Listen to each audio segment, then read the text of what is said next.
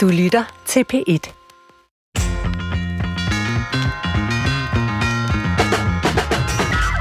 Indimellem får man mulighed for en samtale, der på en gang er trist og fantastisk. Per Schulz Jørgensen er et forbillede for mange, mig selv inklusive, og i lyset af alvorlig sygdom har han valgt at skrive sit livs vendepunkter ned og vil dele dem med os i dag, inden det er for sent. Velkommen til en samtale med Per Schulz Jørgensen, der i mange årtier har været en helt central person i dansk psykologi.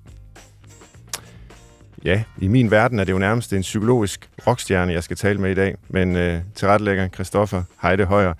Ved sådan en øh, pur ung journalist som dig overhovedet, hvem Per Schulz Jørgensen er? Altså, jeg tror, jeg har set ham i fjernsynet en gang. Ja. For nogle år siden måske. Men, men ellers må du jo lige øh, oplyse mig. Hvem er din gæst i dag? Jamen, der er jo virkelig meget at sige, når man har været øh, aktiv og toneangivende i, i videnskaben og i offentligheden og i alt muligt udvalgsarbejde gennem rigtig mange årtier. Så jeg har simpelthen slået øh, Per op på Wikipedia. Du har rigtig research. ja, og, og, og der står jo meget godt noget af det vigtigste, i hvert fald på et ydre plan, og så tror jeg, vi skal høre lidt mere om det indre i samtalen. Men det, der står på Wikipedia, er... Per Schulz Jørgensen, født den 7. februar 1933, er en dansk professor, der tidligere har været formand for Børnerådet. Per Schulz Jørgensen blev uddannet folkeskolelærer i 1955, kant psyk i 1968 og doktorfil i 1983. Han fungerede som adjunkt og senere lektor ved Københavns Universitet fra 71 til 81. I 81 blev han forskningsleder ved Socialforskningsinstituttet, og fra 1991 tilknyttet Danmarks Pædagogiske Universitet som professor i socialpsykologi. Per Schulz Jørgensen har blandt andet forsket i familieforhold, børns sociale identitet og udsatte børn og unge. Det var meget, men jeg har alligevel lyst til at få til, at øh, Per også har skrevet mange vigtige bøger om alle de her emner, øh, ligesom han har vundet priser, Peter Sabro-prisen, UNICEF-prisen, og så er han en af dem, der aldrig rigtig er gået på pension. Så øh, det med at være aktiv, øh, det er han fortsat, skriver bøger, øh, en aktuel en endda, og, øh, og blander sig i debatten, så det er imponerende. Ja, og jeg talte jo med Per inden i, i, Ja. i dag, optagelsen, og der øh, talte Per også, at hver dag, stort set, er der nogen, der ringer, journalister eller andre, der vil høre noget, og 89 år, det synes jeg er imponerende at kunne være relevant stadigvæk. Så jeg er spændt på at høre, hvad det er, der gemmer sig. Der må være et eller andet interessant med det her menneske, så jeg synes bare, I skal, I skal komme i gang. Velkommen til Brinkmanns Brix på P1 i dag med øh, Per Schulz Jørgensen. Oprindeligt altså folkeskolelærer, siden psykolog og professor, formand for Børnerådet og ikke mindst forfatter til en hel masse bøger om blandt andet socialpsykologi, som er og har været øh, Per Schulz Jørgensens primære fagområde. Velkommen, Per. Tak for det. Tak fordi du er med i dag, og stort tillykke med bogen Vendepunkter, som vi også skal tale om Mhm. om lidt. Men øh, med dine egne ord, hvad tænker du på lige nu? Lige nu tænker jeg på, at, at det her skal gå godt. Vores samtale. Ja. At, at der skal komme noget, nogle budskaber ud af det, som, som andre også kan se værdien i. Og jeg har en interesse i også at formidle et håb, selv om man måske er ramt af noget, der ser lidt mindre positivt ud. Ja. Så, så, så jeg har det lige nu sådan, at jeg gerne vil, vil gå mod lyset i det, vi taler om. Mm-hmm. Så du siger, at der er, der er et lys, vi skal gå imod, men, men der er alligevel også et mørke, der lurer. Ja, det er jo fuldstændig uundgåeligt, når man har fået en, en, en kræftsygdom, som, som er uhelbredelig. Man kan sige, at den, den dom, man der har fået, og jeg har fået, øh, er uigenkaldelig. Så er det nogle vilkår, jeg har fået. Men alle vilkår giver jo også afsæt for en holdning. Øh, næsten uanset, hvor svær en dom det er, så har jeg også mulighed for at have en holdning til det. Jeg kan tage det som en, en meget, meget mistrøstig og meget tragisk og meget depressiv historie. Mm. Og det ligger jo lige for. Men når man har, har min alder, skal man jo indimellem også tænke meget på, hvor meget man har fået, Mm. i modsætning til så mange andre. Så jeg har fået rigeligt af muligheder, og jeg er taknemmelig for den. Så derfor vælger jeg også at se på det, sådan at det er præget, mit syn er præget af taknemmelighed over det, jeg har fået lov at være med i. Og, og derfor går jeg mod lyset øh, og forsøger at gå mod lyset hver gang og hver dag, Mm. for at give mit liv det indhold, at det ikke er afslutningen, jeg tænker på, men livet indtil da, der spiller en rolle for mig. og det her, det skal ikke være en sygdomssamtale, sådan primært, vi kommer ind på det, men øh, det skal være primært en samtale om dit faglige virke og din bog og vendepunkter og hele den ja, livsfortælling, der ligger der. Men øh, hvor, hvor syg er du, øh, kan vi måske øh, lige alligevel begynde med at, at berøre, fordi du siger, at du har fået en, ja, en diagnose, der er uigenkaldelig, men, øh, men, men hvordan har du det med den? Jamen, jeg har, jeg har det sådan, jeg mærker den hver dag. Ja. Jeg mærker, at det går ondt det ene sted, når det er kræft i den ene lunge, og det er bredt sig hen over brystbenen, så kan jeg også mærke det der. Mm. Og så kan jeg måske mærke, at det begynder at flytte sig rundt. Og så får man jo lidt, og det ved du og jeg som psykolog, at så får man jo lidt associationer til alt muligt andet også. At så er jeg ondt der, så er jeg ondt der. Det er måske også nok det. Ja. Man kan sige, at jeg snakker lidt med min sygdom hver dag. Eller jeg snakker med døden hver dag. Men jeg snakker også med andre ting hver dag. Så, så, så jeg, jeg, jeg, jeg, jeg tænker hele paletten rundt, sådan set.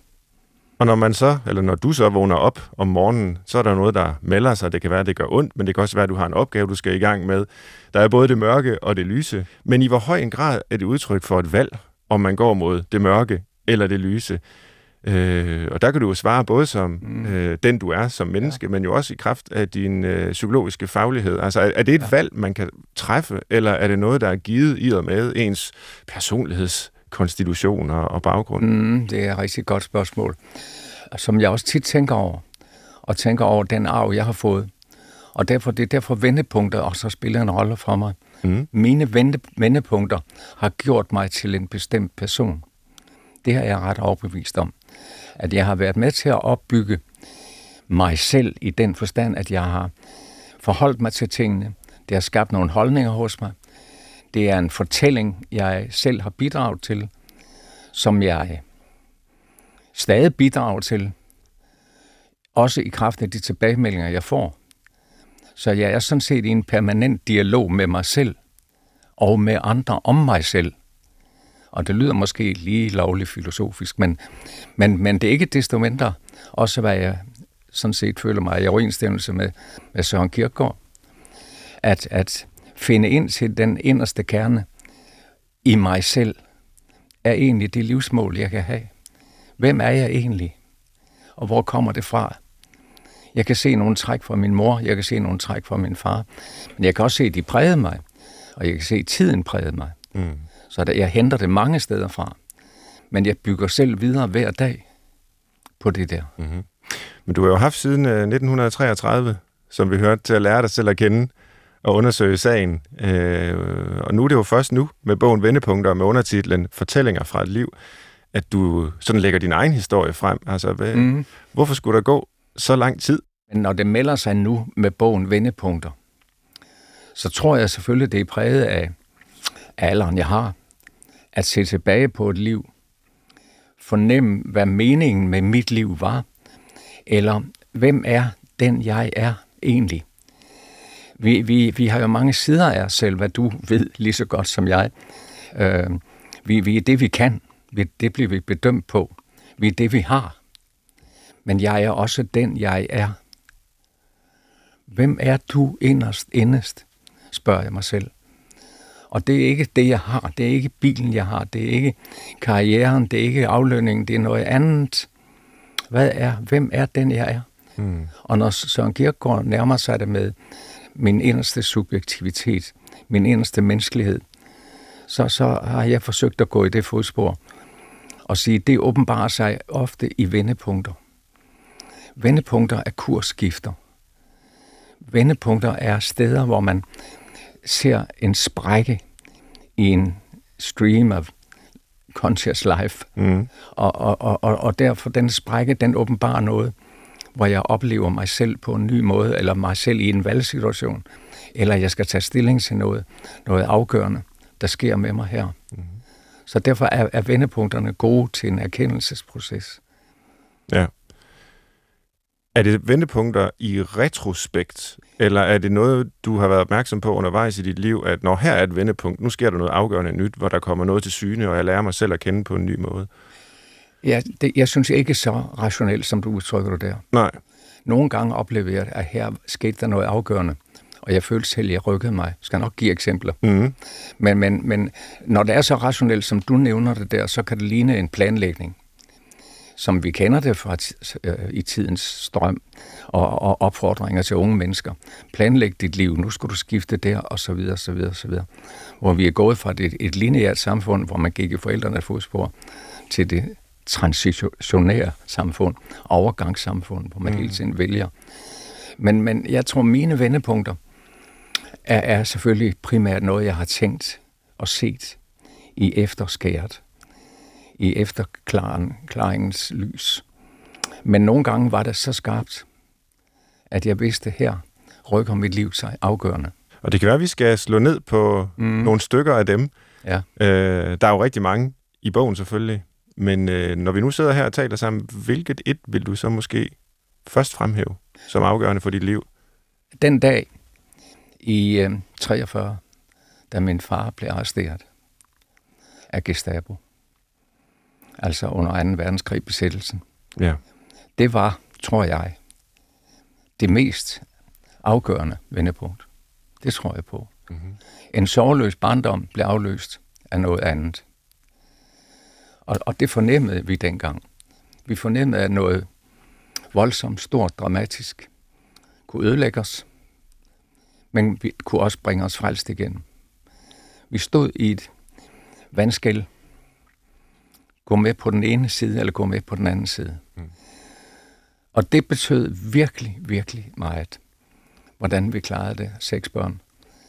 Den mindste var et par måneder. Og vi troede jo, at det hurtigt skulle afklares, men det gjorde det ikke. Det gik ikke over. Så han kom i korsetlejr og så videre. Kom godt hjem og den slags, men, men for os børn og mig som 10-årig, der selv var i forhør, blev det, tror jeg, jeg vil sige, et, et vendepunkt, som, som har præget min, min karakter. Mm. Det tror jeg er afgørende. Han var i KZ-lejr indtil, ja vel, krigens afslutning, ja, ja, ikke? Og så kom han ja. Med det hvide buse. Ja. Og du citerer i bogen øh, din mor, ja. da han bliver ført bort. Øh, men der er åbenbart sådan lidt uklarhed om, øh, ja, ja. hvem hun sagde det til, og præcis mm, hvornår. Ja. Men, men det hun sagde var, hvis jeg husker det rigtigt, vi bøjer ikke nakken for nogen. Fuldstændig. Ja. Og det er som om den sætning er blevet øh, indprintet ja. i, her er, under den voldsomme begivenhed i, i 10-årige Per. Den er blevet en del af fortællingen. Ja. Men jeg tror, når jeg gør det op, så er der tre ting, der har sat sig fast hos mig fra den tid. Det ene, det er en sårbarhed, altså en følelsesmæssig sensitivitet over for, for, for den bekymring, den angst, den, den ledsagefænomen, at, at, at jeg har følelser her, som jeg må erkende. Og det andet, det var værdien af hverdagens grundstruktur. Altså et sikkerhedsnet af hverdagsting, der skal fungere, for ellers falder alt sammen. Og det tredje, det var fortællingen. Fortællingen, som du nævner der, vi bøjer ikke nakken, og der var mange andre mindre udtryk, øh, at vi har ansvar, og det er fællesskabet.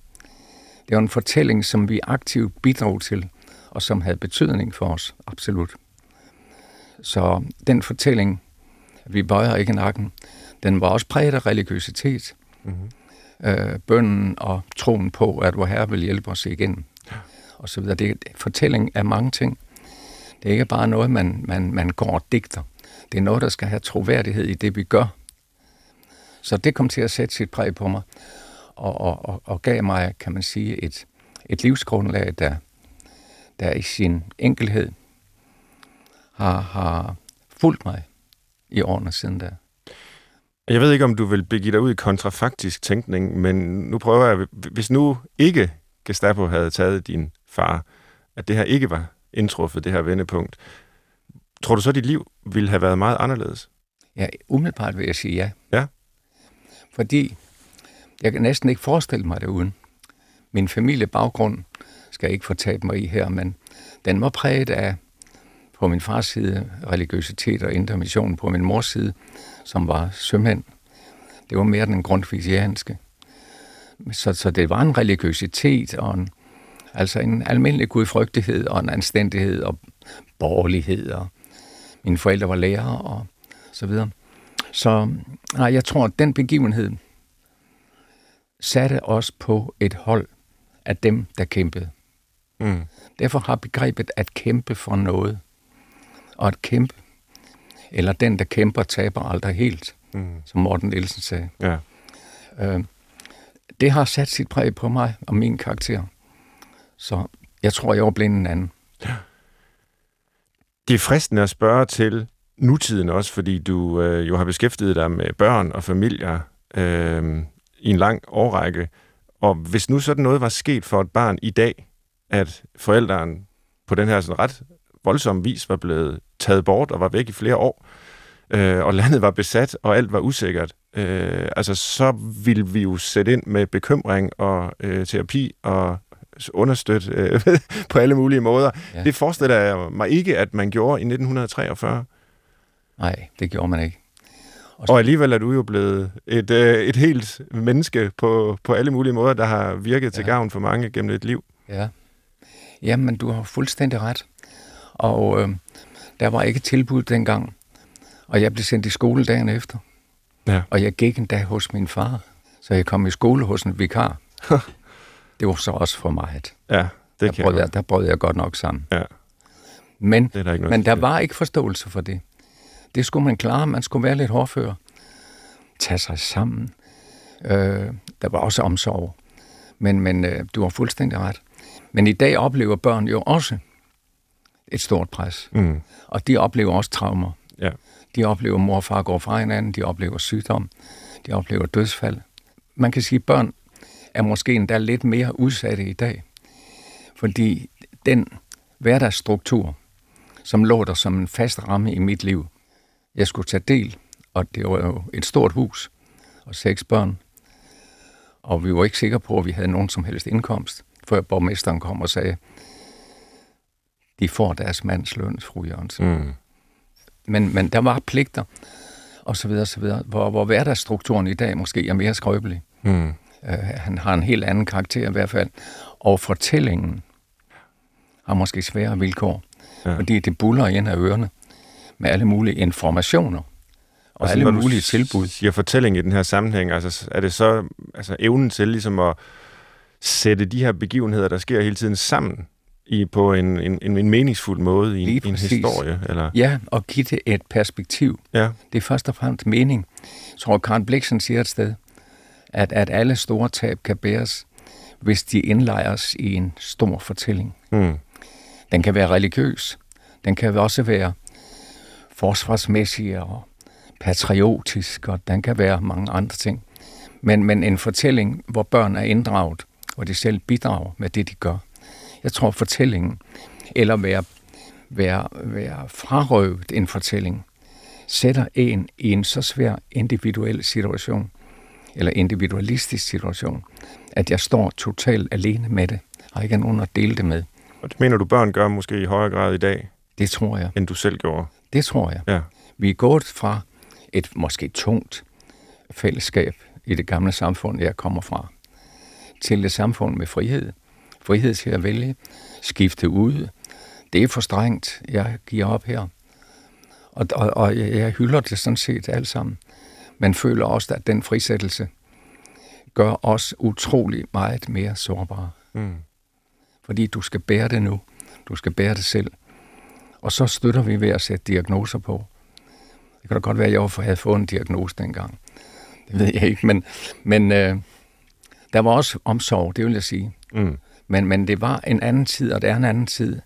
Selvom børn i dag også udsættes for en helt anden type af pres.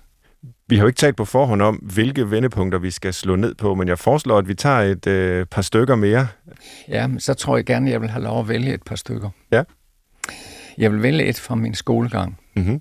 For jeg øh, kom i første mellem i 1944, og min far var væk i Sachsenhausen. Men øh, min mor, jeg skulle starte første mellem på byens gymnasieskole. Og det gik slet ikke. Mm. Jeg var ikke parat til det. Jeg havde hovedet fuldt af andre ting. Og fulgte ikke op på nogen ting. Så karakterbogen hver kvartal så frygtelig ud.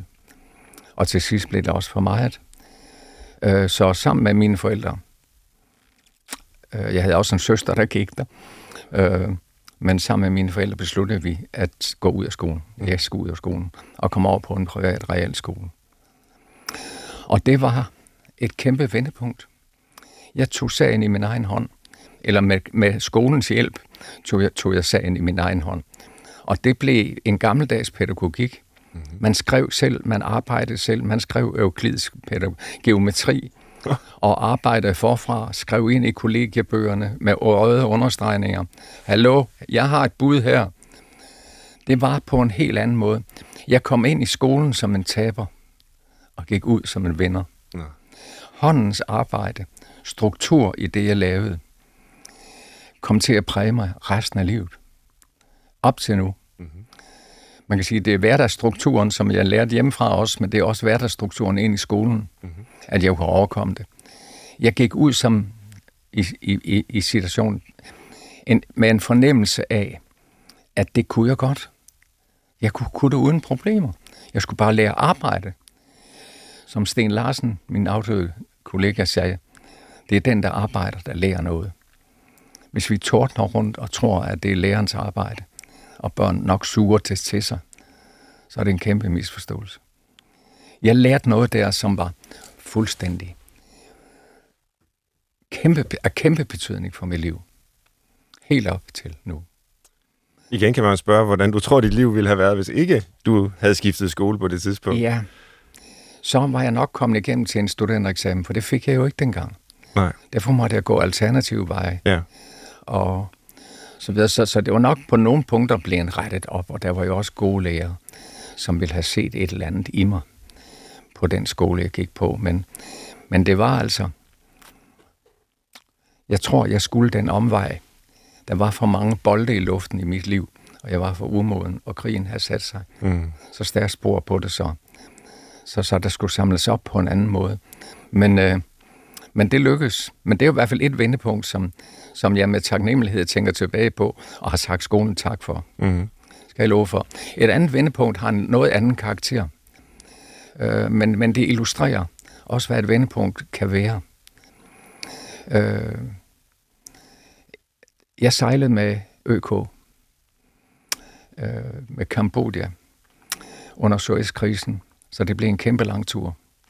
Sydamerika, Kina og Japan. Men vi kom til et lille landingssted i Malakastrædet, der hedder Port Swettenham. Og vi lå der i tropisk varme, og jeg var ungtjener.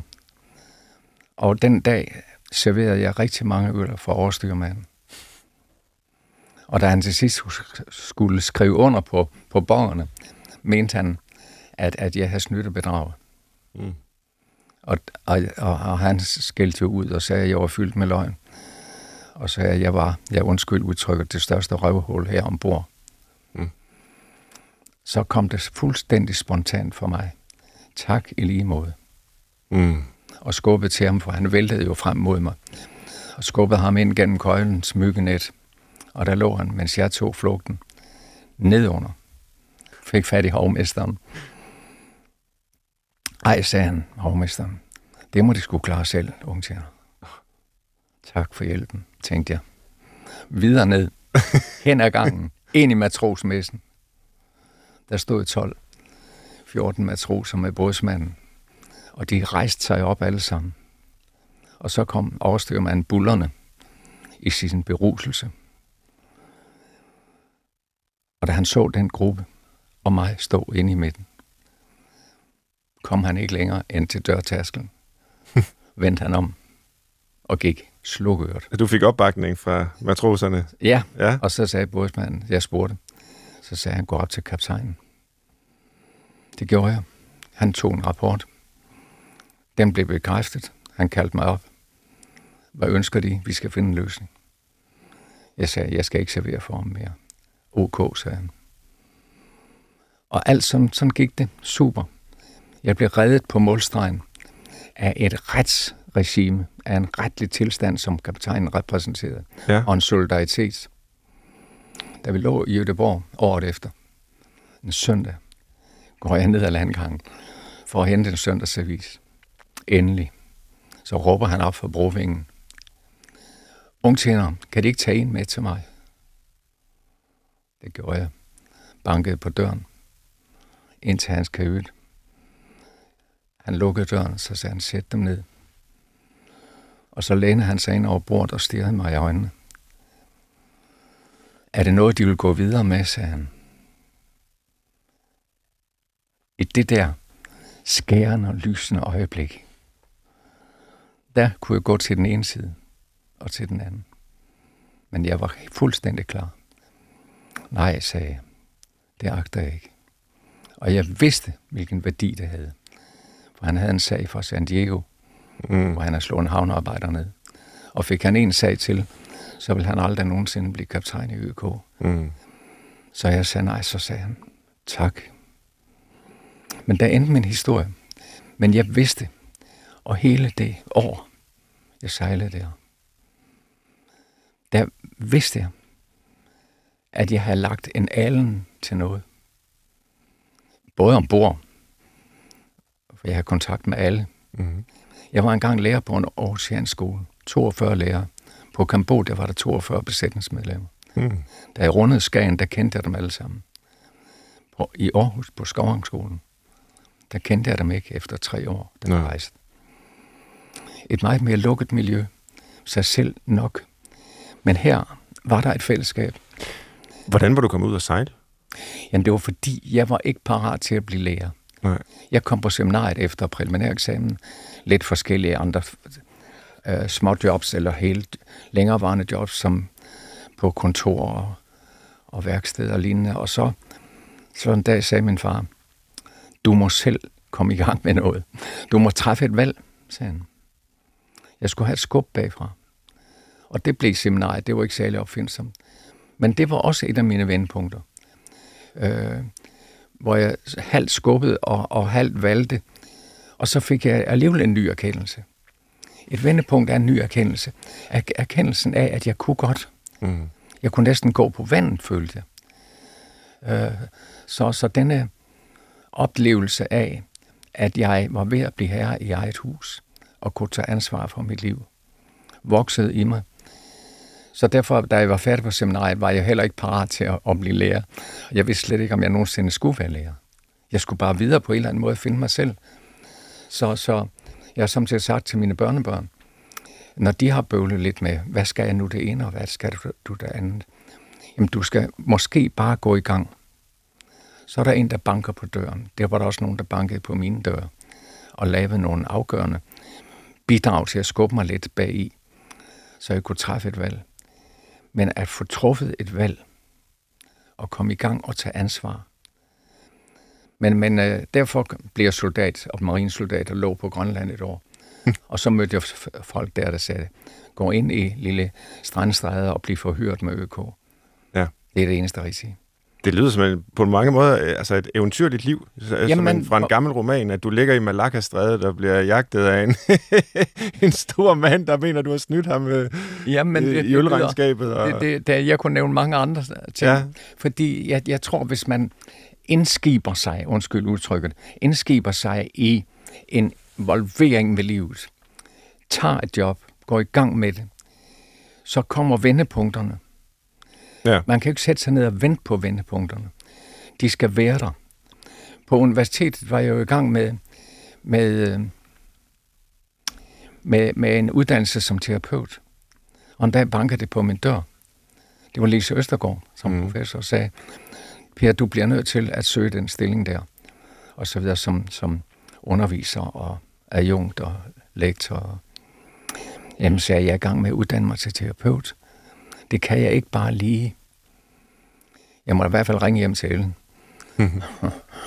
og det gjorde jeg, men hun skulle have besked inden for en time, sagde Lise Østergaard. det var også... ja, det var voldsomt. Akut, åbenbart. Ja. Det var det. Men øh, jeg sagde ja til en forskerstilling. Ja. Men så opgav jeg terapeutstillingen. Og jeg har selvfølgelig også tænkt på, kontrafaktisk, vil det have ændret mit liv?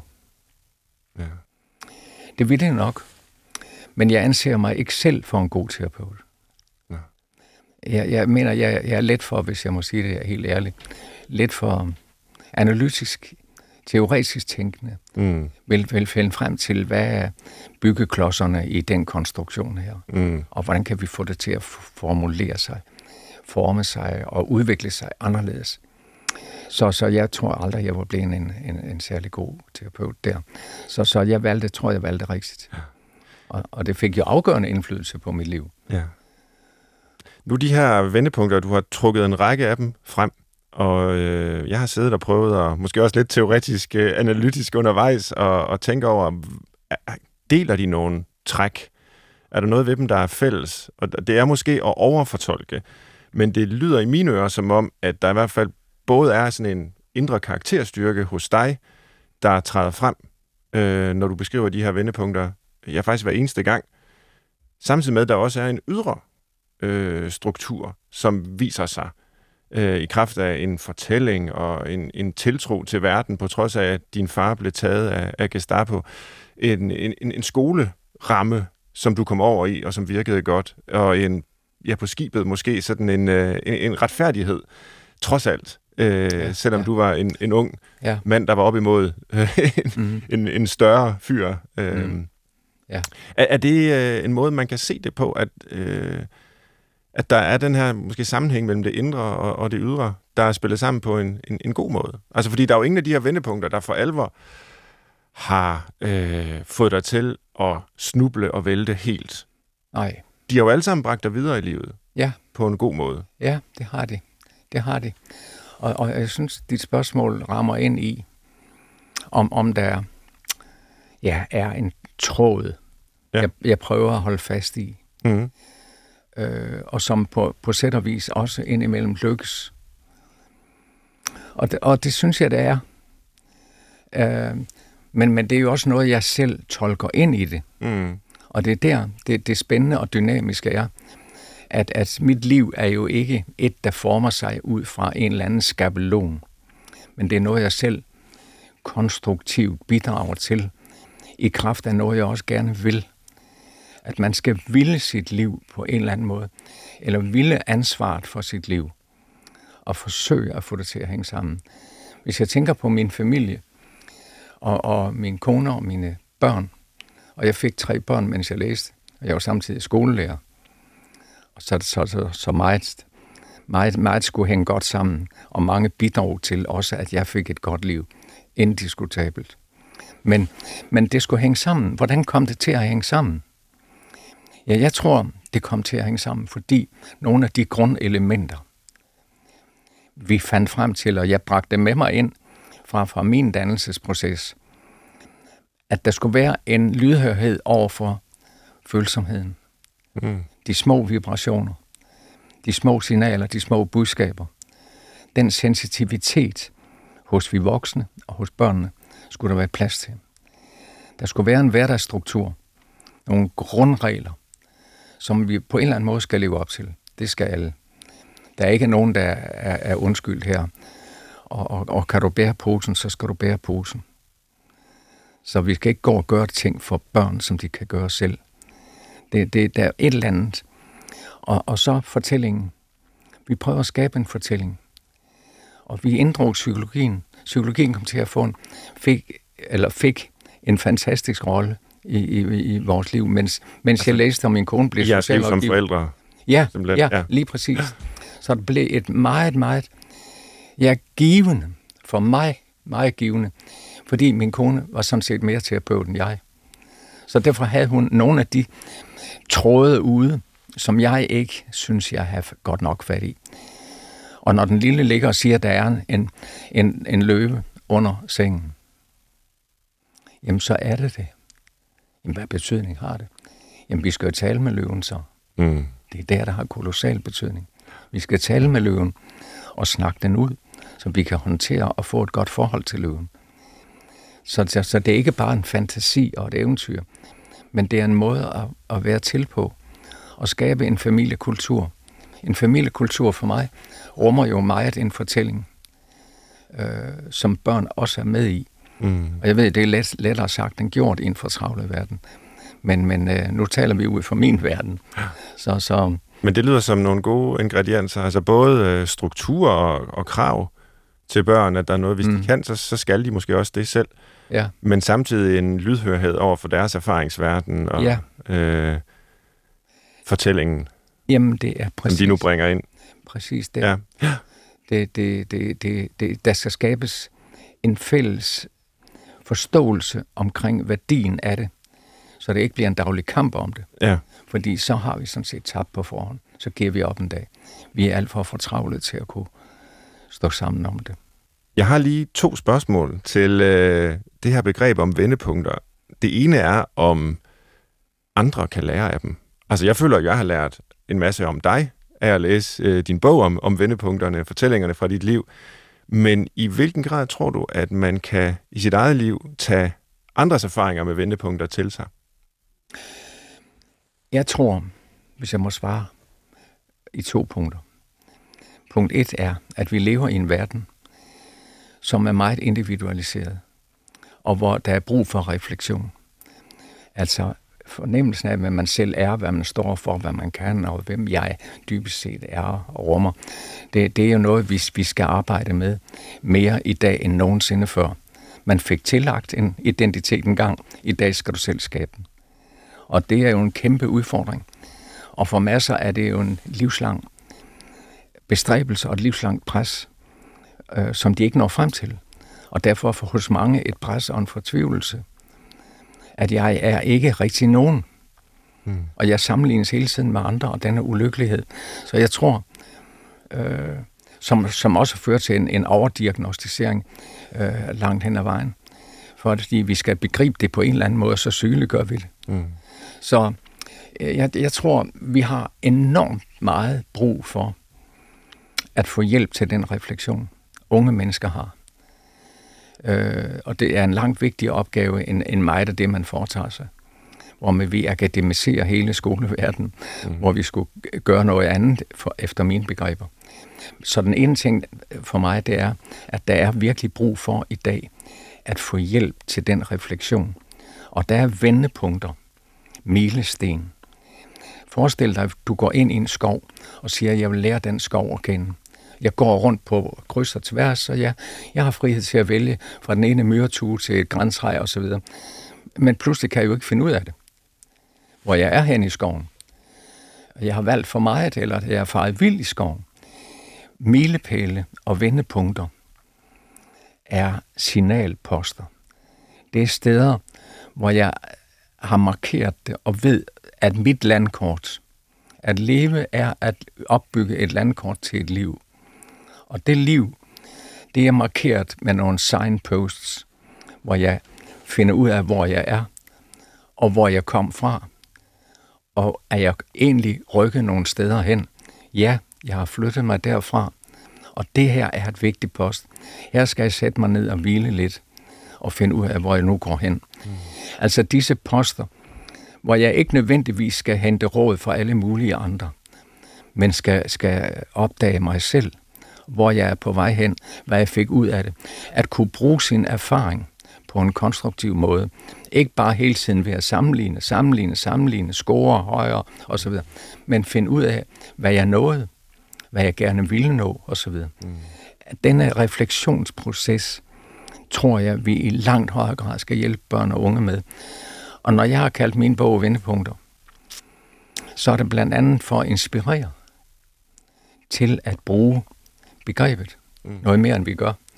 Og, og måske hjælpe unge til selv at eksperimentere lidt med de vendepunkter, man selv har været igennem. Hvorfor var efterskolen det store vendepunkt for mig, som mit barnebarn kan sige? Mm. Hvad var det, du fik? Jamen, jeg fik gode venner. Jeg fik virkelig gode venner, men der var også noget andet. Hvad var det? Prøv at tænke efter. Fortæl mig om det. At, at bruge vendepunkter som en selvforståelse tror jeg, og håber jeg på. Det andet spørgsmål, jeg har til begrebet, det handler om forholdet mellem vendepunkterne, og så det helt almindelige liv imellem dem. Ja. Øh, er det egentlig ikke der, man finder ud af, hvem man er i det almindelige liv? Jo, det kan du godt sige, men vendepunkterne er en del af det almindelige liv. Ja. Øh, Høfting, den store danske filosof, skældner mellem opslugthed og eftertanke.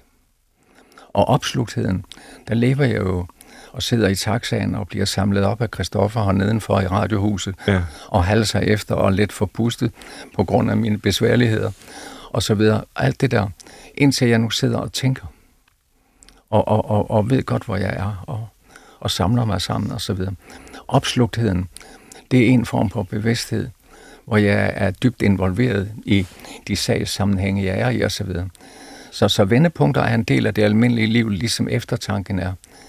Og jeg synes, den, den skældning som høfting, mit og mange andre også gør, mm. opslugthed og eftertanke. Og den eftertanke er ikke bare en fortvivlelse over, at jeg ikke nåede alt muligt andet, som sådan det let bliver et råb om hjælp i vores tid. Men eftertanken skal også gerne være en, et hvilepunkt, hvor jeg lader vinden bære vingen øh, i sin glidende flugt, og hvor jeg fornemmer, hvor jeg er på vej hen, og prøver og tænker.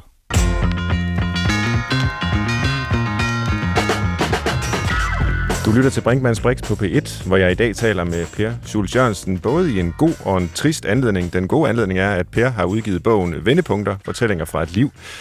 Og den triste er, at Per har fået besked om, at lægerne ikke kan gøre mere ved det lungekræften, som Per lider af.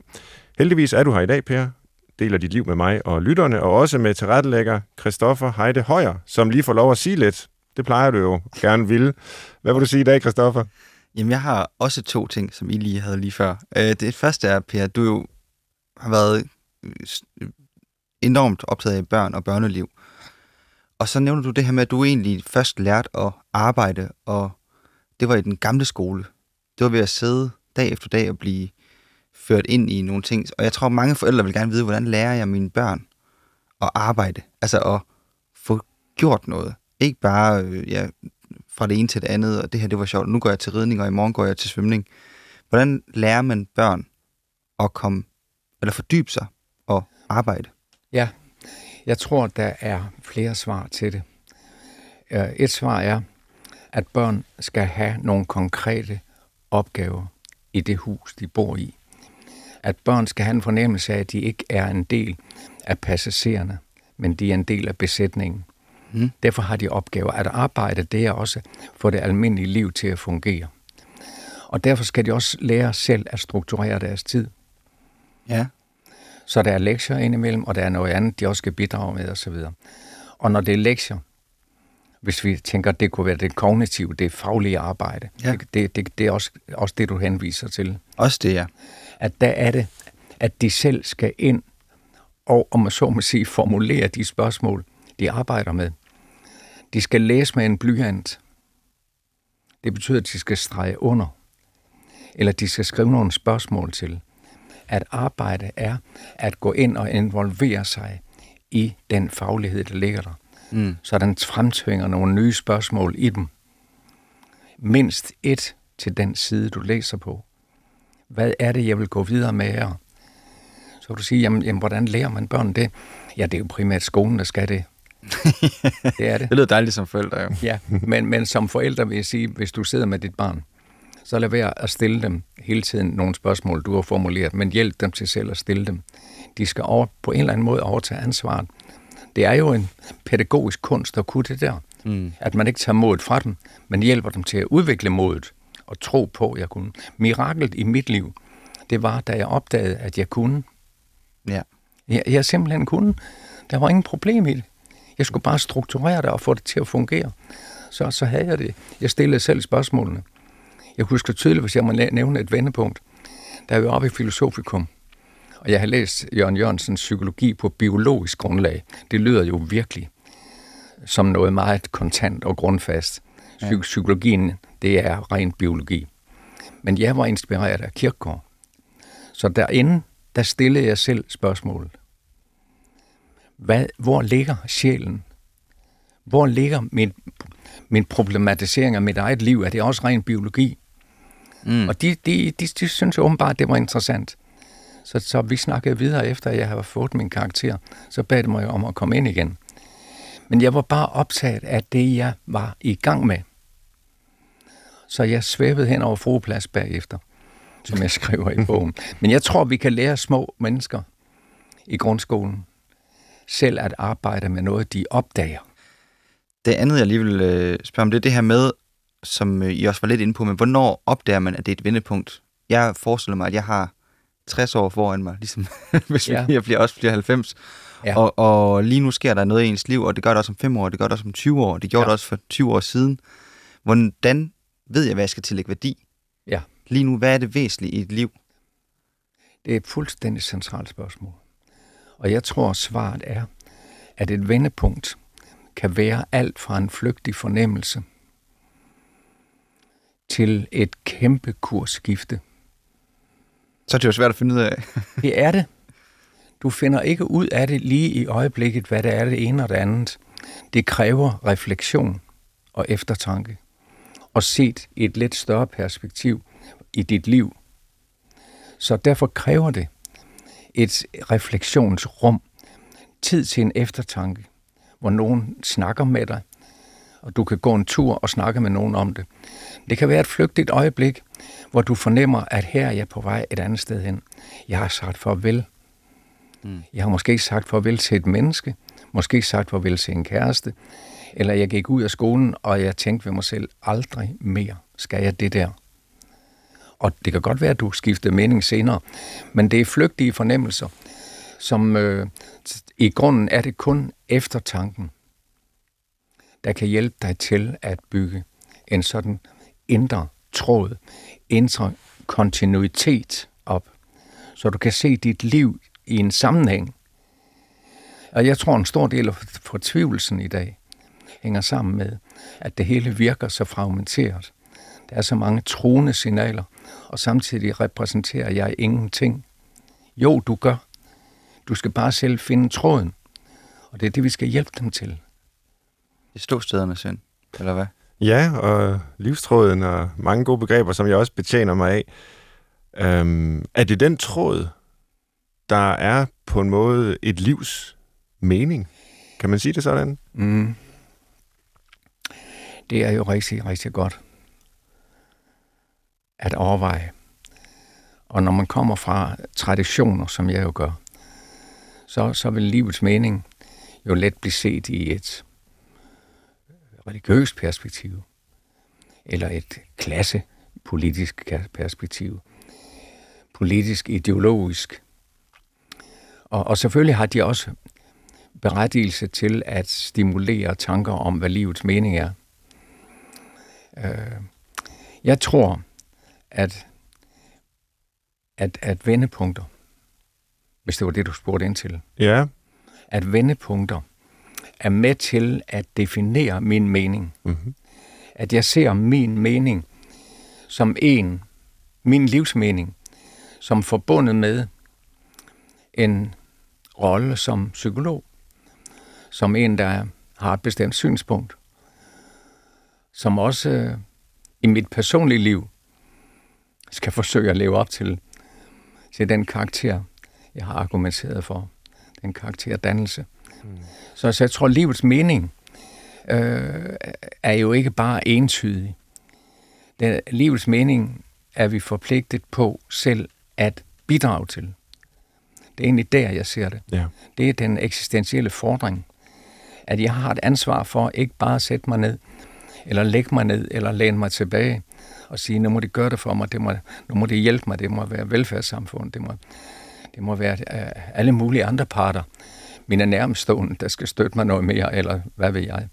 Vi har et ansvar for at vælge, øh, selvom mulighederne måske indskrænkes, mm. Øh, så har vi et stadigvæk et ansvar. Og det er det ansvar, mener jeg, som dybest set er det eksistentielle. Og nu har du nævnt den eksistentielle tradition og Søren Kierkegaard, og øh, der er jo også i det perspektiv et syn på døden, som afgørende for mening. Øh, fordi hvis, hvis, hvis alting bare fortsætter uendeligt, så ja. bliver alting også lidt ligegyldigt. Det er det, at der er en, ja. en horisont, som er givet ved, ved døden i sidste ende, der gør, at, at noget kan blive meningsfuldt. Ja. Der gør, at noget er, værd at, at gøre, mm-hmm. frem for mm-hmm. noget andet. Ja. Er det en erkendelse, som... At nu nævner jeg jo det som sådan en intellektuel, ja. øh, teoretisk erkendelse, jeg har. Ja. Men når man som du har en sygdom, som er så alvorlig, øhm, er det så noget, man mærker på en anden måde, end som en intellektuel erkendelse? Svaret er ja. Fuldstændig entydigt. Hvordan det? Det gør du ved, at du når frem til erkendelsen, at det her var ikke ved. Der er ting, du ser for sidste gang. Der er steder, du er, hvor du ikke kommer mere.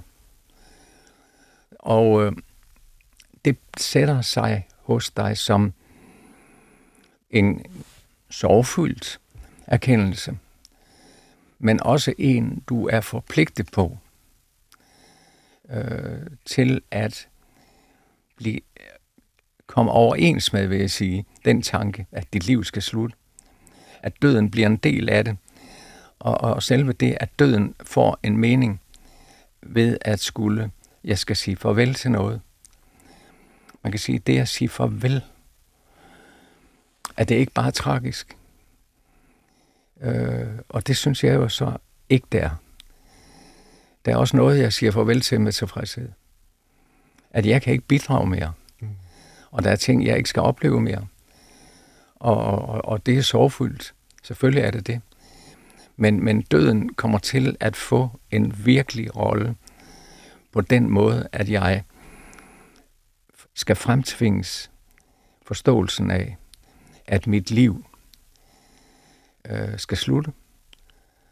Øh, og det skal slutte med en slags holdning til det. Jeg kalder det en forsoning. Mm. Jeg skal forsone mig med den, jeg er, og den, jeg var.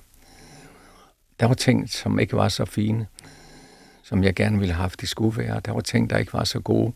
Der var ting, der ikke var så gennemtænkte. Jeg faldt igennem. Men jeg blev nødt til at leve med en, at nå frem til en erkendelse af, at det er også mig. Og det er egentlig der, døden har den afgørende mening, at, at dit liv slutter nu. Du kan ikke gøre det om. Du har haft din chance. Mm. Du har fået mere end de fleste. Du skal være taknemmelig i stedet for. Forsoning, det er, at, at, synes jeg, at lære at leve med den, jeg er. Hverken værre eller bedre. Og der, derfor synes jeg, at alderdommen har en, en meget vigtig betydning. Det er ikke bare en residual tid, mm. hvor man sætter dem hen på plejehjemmet, så kan de afvente der øh, den endelige.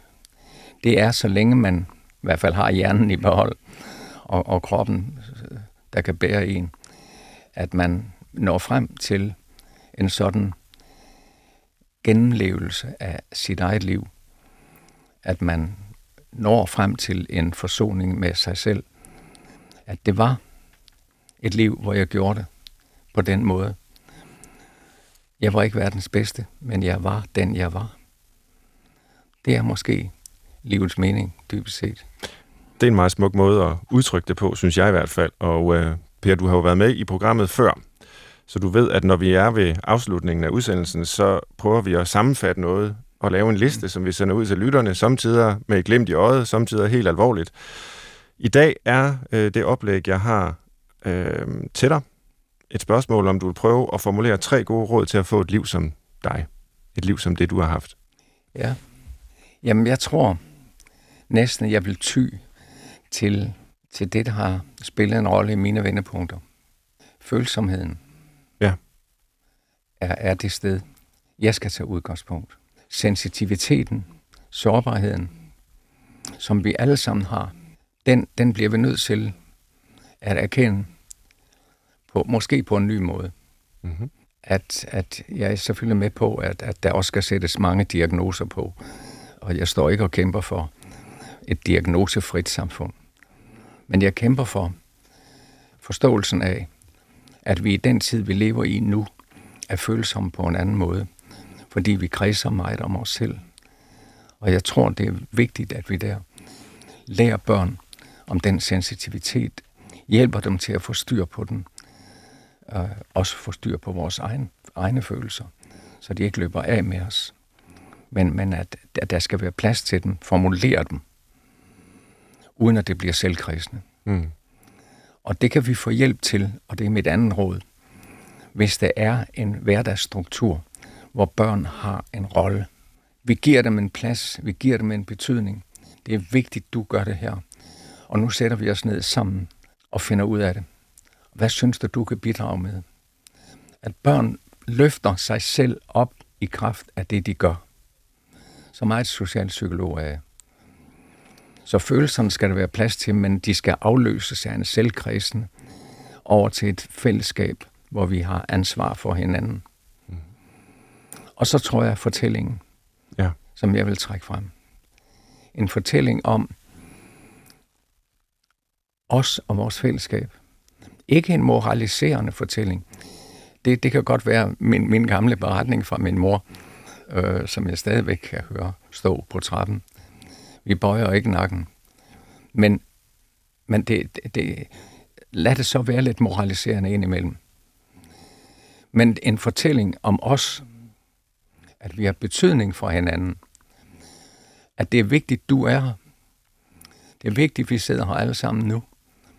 Og denne stund her spiller en rolle, fordi du er. At, at det enkelte menneske ikke skal negligeres ned til at være en pause, når telefonen lægges væk, men at det er dig, der spiller hovedrollen sammen med os. Mm. Jeg tror, den fortælling, familiefortælling eller fællesskabsfortælling, er vigtig for at kunne skabe følelsen af at have betydning for nogen. Så det handler om at kende, at erkende følsomheden, det handler om hverdagsstruktur, det handler om fortælling og fællesskab. Tusind tak, Per Sulz Jørgensen, fordi du delte øh, fortællinger fra dit liv og tanker om dig selv og psykologien og verden med os her i dag. Du har lyttet til Brinkmanns Brix på P1 med Per Sulz Jørgensen, der er udkommet med bogen Vendepunkter. Fortællinger fra et liv. Jeg har læst den og kan varmt anbefale alle at læse med. Til retlægger i dag var Christoffer Heide Højer. Jeg var vært, hedder Svend Brinkmann. Vi sender igen om en uge. Lyt endelig med og gå ind og lyt til vores programmer i DR Lyd. Det kan man altid. Jeg håber, vi høres ved. Tak for i dag.